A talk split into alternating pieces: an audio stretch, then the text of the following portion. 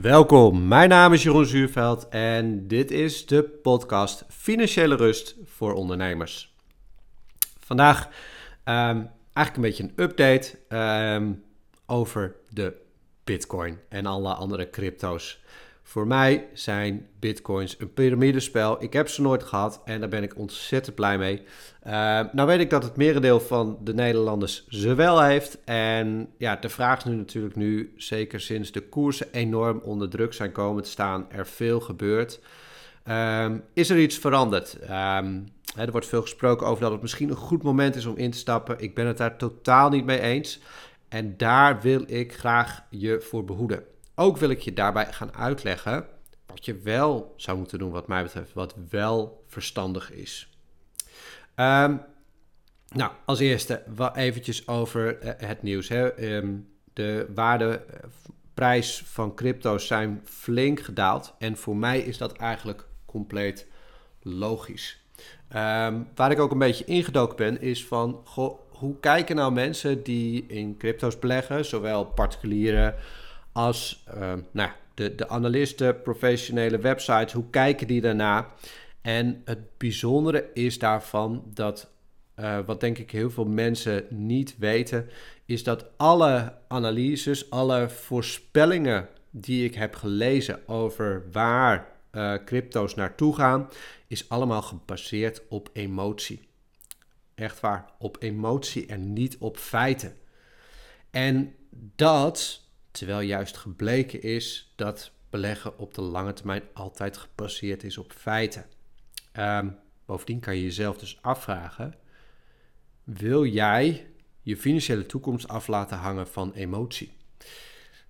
dat is uh, een leuke vraag. Um, nou, eerst eventjes eh, misschien over wat dan het verschil is. Laten we even uitleggen wat ik bedoel met beleggen op basis van feiten. En ik vind altijd de beste manier om dit uit te leggen uh, aan de hand van een huis of de huizenmarkt. Hè, stel, je koopt een huis om die te gaan verhuren. Uh, als je die gaat verhuren, dan krijg je een aantal dingen. Namelijk, je krijgt huuropbrengst. Hè, dat is natuurlijk een soort directe opbrengst. Als je daar de kosten vanaf haalt, dat is wat je, wat je krijgt. Dus die huur, dat geeft je enorm veel zekerheid.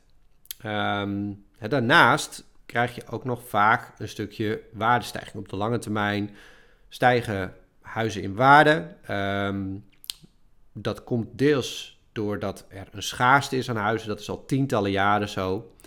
Maar ook wat je merkt is dat huizen vaak een hele goede hefboom zijn tegen inflatie. Dus doordat misschien wel niet zozeer huizen meer waard worden, maar geld vooral minder waard wordt, uh, zie je dat huizen daar een goede dekking tegen zijn. Dus doordat er inflatie is, hebben mensen hogere inkomens, kunnen ze hogere huren betalen. En dat zie je eigenlijk terug in de prijs van huizen. Uh, en daarnaast, wat, hè, wat nog meer natuurlijk een soort van feit is, als je een huis hebt, dan heb je iets. Je hebt iets van steen met een sleutel waar je naar binnen kan. Hè, dus het, het is echt letterlijk iets. Dus zolang jij het goed onderhoudt, zolang je ervoor zorgt dat, dat het verhuurbaar is, dat iemand er kan wonen, dan behoudt het ook een, hè, voor het grootste deel zijn waarde of wordt zelfs meer waard. En wat je dus ziet bij een huis, wat mooi is, is stel nou voor dat je nu een huis koopt en dat je daar 1000 euro huur voor zou kunnen krijgen. Nou, als je ervan uitgaat dat we in de toekomst ook inflatie hebben, hebben hè, dat is in het verleden altijd zo geweest, dus ik zie niet de reden in waarom het dat in de toekomst niet zo zou zijn, dan geloof ik dat als je kijkt 10, 20 jaar verder, dat die huur van 1000 euro hoger zal zijn. Dus dat bijvoorbeeld over 10 jaar iemand misschien wel 13, 14, 1500 euro per maand betaalt als iemand nu 1000 euro betaalt. En over 20 jaar is dat misschien wel 2000 euro per maand voor hetzelfde huis. Nou, wat je ziet is als die huur op gaat lopen, dat automatisch eigenlijk ook het huis meer waard wordt. Waarom? Nou, heel simpel. Stel, je koopt nu een huis. En dat huis kost bijvoorbeeld uh, ehm, 200.000 euro. Ik noem even een bedrag. Ik weet dat je voor 200.000 euro geen huis in Nederland kan kopen. En daartegenover staat een huur van 1000 euro per maand. Dus er is een, een, een relatie tussen de huur van het huis en de prijs die je ervoor betaalt. Nou, stel dat die huur niet 1000 euro is, maar dat die over een tijdje 1500 of 2000 euro is. Dan is feitelijk is dat huis goedkoper. Wat je dus vaak ziet bij waardevolle investeringen, zoals huizen of aandelen, is dat er een relatie is tussen de huur of de winst die bedrijven maken en de prijs die er voor een aandeel wordt betaald. Hoe hoger die winst, hoe hoger ook de prijs. Daar zit gewoon een, een, een marktwerking in. En wat je ziet is eigenlijk op de markt, eh, met name bijvoorbeeld in de aandelenmarkt zie je dat heel sterk, is dat die prijs heel sterk kan fluctueren. Maar uiteindelijk de drijfveer voor prijzen die omhoog gaan, of dat nou de huizenmarkt is of een andere markt, dat is altijd gebaseerd op de feiten, op de onderliggende waarde die er gecreëerd wordt. Nou, en daar zit eigenlijk ook het probleem bij crypto's. Crypto's produceren helemaal niets. Als je ook kijkt, er is eigenlijk, ik heb nog nooit iemand iets fundamenteels uh, kunnen zeggen over wat een crypto produceert. Eigenlijk kost het alleen maar geld, want het kost heel veel energie om het in stand te houden. Dat is trouwens ook een leuke uh, reden die ik gemerkt heb onder steeds meer crypto-beleggers om ervan af te stappen. Dat ze zien hoe slecht het voor het milieu is. Terwijl we dat op dit moment juist zo belangrijk vinden. Maar als je kijkt naar wat het produceert, het produceert niets. Je krijgt geen winst, je krijgt geen dividend, je krijgt helemaal niets. Waar is dan de prijs op gebaseerd? Nou, de prijs is alleen maar gebaseerd op vraag en aanbod. dus de laatste transactie bepaalt feitelijk de prijs. Dus nou, nu ligt de prijs volgens mij zo rond de 20.000 euro of 20.000 dollar. dus als er morgen iemand is die 100.000 dollar betaalt voor een bitcoin, betekent dat dat de prijs 100.000 is. Maar het kan ook 1 euro zijn. Dus het is puur wat men gelooft, waar, um, waar men denkt dat er morgen iemand voor zou willen betalen. Dus dat is, dat is waar het op gebaseerd is. En wat je dus ziet heel sterk bij dit soort investeringen zonder onderliggende waarde, is dat het heel vaak of een trend omhoog of omlaag is. Want als het omhoog gaat, dan geloven we soort van dat er nooit een einde is. En er is ook geen einde. Hè? Ik, ik, ik kan niet voorspellen. In theorie zou de bitcoin een miljoen of een miljard waard kunnen zijn. Want zolang mensen er maar in geloven dat er morgen iemand is die er meer voor betaalt, dan, dan zijn er altijd mensen die daarin willen en durven investeren. De andere kant ook op, als het omlaag gaat, dan kan het ook heel hard gaan. En dat is dus uh, wat je in het verleden vaak ziet met uh, vergelijkbare investeringen zonder onderliggende waarde, is dat het enorm volatiel is, dat het enorm kan wisselen en dat uiteindelijk, als je vaak ziet, is dat al dit soort investeringen eigenlijk altijd weer teruggaan naar nul. Waarom? Omdat er geen onderliggende waarde is. dus hoe wordt dan de prijs bepaald? Dus wat doen die analisten? Die kijken vooral naar de trends. Dus um, wat interessant is bijvoorbeeld, is dat uh, in heel veel analistenrapporten over crypto, uh, over de bitcoin, staat dat um, uh, de bitcoin zo rond het niveau waar het nu is, dat het weer gaat stijgen. Nou, waar is dat op gebaseerd? Ehm, zijn in het verleden, als je terug gaat kijken in de koers van de Bitcoin, dan zie je dat hij op een gegeven moment dat hij ging stijgen en dat hij zo rond de 18, 19, 20.000 dollar, dat er een piek was, dat er een top was. En vervolgens dat de prijs weer omlaag gezakt is. Nou, wat er dan volgens deze analisten gebeurt, is dat er een soort van steun, weerstandsniveau, zo noemen ze het, ontstaan is rondom de prijs van de 20.000 dollar. Nou, op een gegeven ogenblik is de koers van de bitcoin gaan stijgen en door die 20.000 dollar heen gegaan. Dus door die uh, mentale weerstand heen van 20.000 euro. En wat ze daarmee eigenlijk ook zeggen is dat daardoor is er ook een soort van bodem ontstaan. Dus eigenlijk zeggen we van dat is een soort van uh, prijs die we met elkaar hebben afgesproken van dat is eigenlijk een bodem onder de markt. Maar het is natuurlijk eigenlijk volledig onzin, want het is puur een soort van self-fulfilling prophecy. Omdat heel veel mensen naar dit soort data en dit soort steun- en weerstandsniveaus kijken, daardoor krijgt het waarde. Maar het is niet omdat, uh, omdat er iets fundamenteels ligt. Het is niet zo dat, dat nou ja, wat ik net ook zei, dat de bitcoin niet naar 1 euro zou kunnen gaan. Want dat is wat er gebeurt als het weer door zo'n weerstandsniveau heen zakt. Nou, dan gaan we naar het volgende weerstandsniveau. En wat je dus ziet in de beleggingswereld is dat er een soort van fundamentele analisten zijn of fundamentele beleggers die dus investeren op basis van feiten en technische analisten. En technische analisten kijken dus puur naar dit soort patronen in de markt, naar vraag en aanbod. En daar zijn heel veel theorieën over en die theorieën zijn heel veel gebaseerd op uh, emotie, maar ook patronen uit de natuur, et cetera, dat soort zaken, die worden daarin gebruikt. Uh, en als je dus kijkt naar nu de huidige analistenrapporten, die zijn alleen maar daarop gebaseerd. Op eigenlijk dat, um, ja, dat we met z'n allen hier naar kijken en dat iedereen eigenlijk soort van elkaar volgt. Nou, vandaar ook dat ik uh, Bitcoin eigenlijk een piramidespel vind. Want wat gebeurt er namelijk met een piramidespel? Een piramidespel gaat goed zolang er maar van de onderkant vertrouwen is. Zolang er maar vertrouwen is dat mensen in blijven storten. Zolang er nieuwe inleg is, gaat het eigenlijk goed. dan is er feitelijk geen, ja, de sky is the limit, want er is geen limiet, zeg maar, aan uh, waar crypto's heen zouden kunnen gaan, want dat wordt eigenlijk bepaald door de mensen die erin beleggen. Er zit geen fundament in. Uh, zolang mensen erin blijven leggen gaat goed. Op het moment dat natuurlijk, ja, een kaartenhuis, maak maar eens een kaartenhuis letterlijk en trek de onderste kaart eronder weg, dan kan het ook enorm instorten. En dat is wel een beetje wat je op dit moment aan het zien uh, in de, in de markt. Je ziet dat er bijvoorbeeld uh, partijen in de markt omvallen. Dat ze uh, vaak met geleend geld ook nog hebben belegd in de cryptomarkt. In geleend geld om die er vanuit, wat er vanuit gaat dat die markt eigenlijk alleen maar omhoog kan gaan. Um, ook zie je dat uh, uiteindelijk wat er gebeurt is dat er bepaalde markten, dat er partijen omvallen, dat, um, dat je ziet dat sommige mensen niet meer bij hun crypto's kunnen. Dus het is natuurlijk best wel een, een redelijke schimmige markt nu. En ja, mensen zeggen heel vaak, ja, het is een soort van speelgeld, ik doe er niet zo heel veel mee.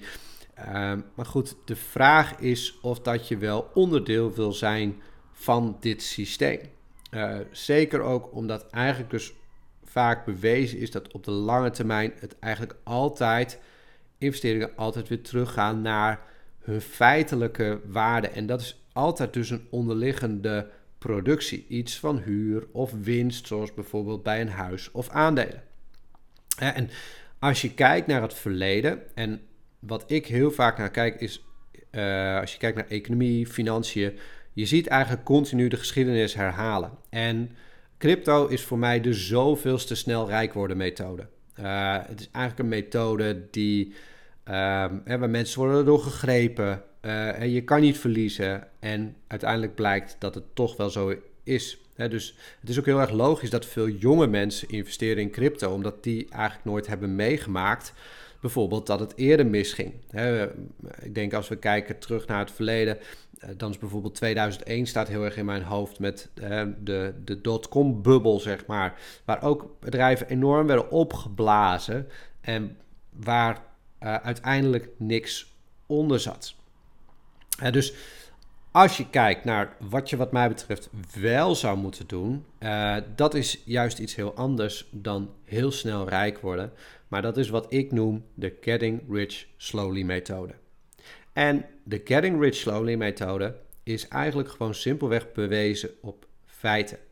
En die feiten zijn eigenlijk heel erg simpel. Dat is namelijk dat als je investeert in waardevolle investeringen en je geeft dat de tijd, dan zal je zien dat op termijn de onderliggende winsten, huren toenemen. Als jij een huis hebt, dan is de kans denk ik, vrijwel 100%, dat over 20 jaar die huur een stuk hoger is dan dat die nu is. En als die huur hoger is, betekent het dat je investering meer waard is. Hetzelfde werkt eigenlijk voor bedrijven. De kans dat de winsten over 10, 20 jaar hoger zijn dan het nu zijn, is extreem, extreem groot. Waardoor automatisch je investeringen eigenlijk ook meer waard zijn. Dus het is een soort van zekerheidje. Alleen aandelen of huizen geven geen 100% rendement per jaar. maar wel een rendement wat heel zeker is en wat een stuk beter is dan bijvoorbeeld sparen. Dus het betekent eigenlijk dat als je die methode volgt, dat ik geloof daarin dat iedereen eigenlijk in een periode, als je voldoende geld opzij zet, als je een goede balans hebt tussen je inkomen en je uitgaven, betekent het eigenlijk altijd dat je in een periode van 15 tot 20 jaar echt financieel vrij kan worden. Dus getting rich slowly is niet echt slowly. Het is gewoon een soort planning. En voor sommige mensen die al vermogen hebben opgebouwd, kan dit soms zelfs nog sneller. Maar je moet je voorstellen, als je nu niks hebt, dan kan je in 20 jaar financieel vrij worden. Daar ben ik van overtuigd. Als je de juiste dingen blijft doen. Het is ook gebaseerd op mijn eigen plan. Ik heb rond mijn 30ste een plan gemaakt om op mijn 50ste financieel vrij te zijn. Ik ben nu 40 en ik verwacht dat ik zo rond mijn 44ste, 45ste financieel vrij ben. En dat kan misschien nog ietsje langer duren, iets korter, maar de horizon van 15, 20 jaar is denk ik voor heel veel mensen gewoon realistisch om te behalen. Maar dan betekent het wel dat je verantwoording moet nemen over je financiën, dat je voldoende opzij zet en dat je geduld hebt. En dat is wat we vaak niet hebben. We willen vaak heel snel rijk worden, maar heel snel rijk worden bestaat eigenlijk niet. Dat, dat, dat is er niet. Dat is de reden dat er casino's ontstaan uh, en nog steeds bestaan. Maar iedereen weet natuurlijk dat als je een casino inloopt, is dat er maar één persoon rijk wordt. En dat is niet jij, maar dat is het casino. En dat is ook wel, als mensen aan mij vragen van, hè, wat vind je van crypto's? Nou, wat ik interessant vind van crypto's, is juist de bedrijven die erachter zitten. Uh, dus uh, bijvoorbeeld een van de dingen die tegenwoordig heel vaak in analistenrapporten wordt geschreven, is dat er steeds meer banken, uh, brokers bezig zijn met crypto's aanbieden. Nou, daar is een hele simpele reden voor, namelijk de transactiekosten in bitcoins of crypto of andere van dit soort digitale munten is extreem hoog. Het is heel erg duur om crypto's te kopen of te verkopen. De prijzen daarvoor liggen vele malen hoger dan bij aandelen. Dus er valt gewoon extreem veel geld mee te verdienen. Vandaar ook dat al die partijen zoveel reclame maken uh, op tv, bij voetbalclubs. Het is gewoon een extreem lucratieve handel om mensen zoveel mogelijk te laten, uh, transacties te laten doen in bitcoins. er zit gewoon heel veel geld achter. En daardoor probeert iedereen daar een, een, ja, iets van mee te pakken. dus ga er ook vanuit dat als jij in crypto's handelt, uiteindelijk is het vraag en aanbod. Er is iemand die koopt en iemand die verkoopt, iemand die wint, iemand die verliest. Het is een zero-sum game. Maar degene die altijd wint, is degene die jou de handel faciliteert. Die verdient altijd. Dus als je zou willen investeren in crypto's, dan zou ik eerder investeren in zo'n bedrijf die dat mogelijk maakt. Maar wat dus daar duidelijke verschil in is, is dat zo'n handelsbedrijf, die heeft een fundament. Die krijgen gewoon voor iedere transactie een aantal euro's. En die euro's kunnen ze weer uitkeren aan hun aandeelhouders. Dus daar ook weer even het duidelijke verschil tussen feiten en emotie. Nou, ik hoop dat ehm, je geen bitcoins hebt. Ik hoop ook dat je uh, misschien wel in de overtuiging hierdoor kan raken dat je uh, afstand moet nemen van je bitcoins. Um, waarbij ik geen enkele garantie geef dat de bitcoin niet op een gegeven ogenblik een miljoen euro waard is. Um, maar ik zou uh, iedereen willen adviseren om dit niet te doen, omdat je eigenlijk de geschiedenis tegen je hebt. De, de kans dat uh, bitcoins uiteindelijk en andere crypto's nul waard worden, zijn is heel erg logisch als je kijkt naar de onderliggende waarde, omdat die er namelijk niet is. Um, ik denk dat het voor mensen heel veel rust geeft om juist te investeren in iets met onderliggende waarde en daar geduld bij te hebben. Want uiteindelijk uh, is dat de manier om bijvoorbeeld financieel vrij te worden. En er zullen altijd in ons leven, ik bedoel, over een aantal jaren zal er iets nieuws ontstaan waarmee je heel snel heel gauw rijk wordt. Uh, maar eigenlijk blijkt altijd met dit soort zaken dat je eindigt waarmee je begint. Um, en dat is vaak niet heel erg veel. Dus hou je bij het, het scheelt tijd en, en richt je op de feiten Uh, want dat zorgt voor rust over je financiën. Nou, ik hoop dat dit nuttig voor je was. Uh, ik hoop ook als je het ermee eens of oneens bent, dat je mij laat weten hoe je erover denkt. Uh, dat kan je doen via mijn website of via de podcast. ik hoor graag van je en wellicht dat je een volgende keer weer luistert.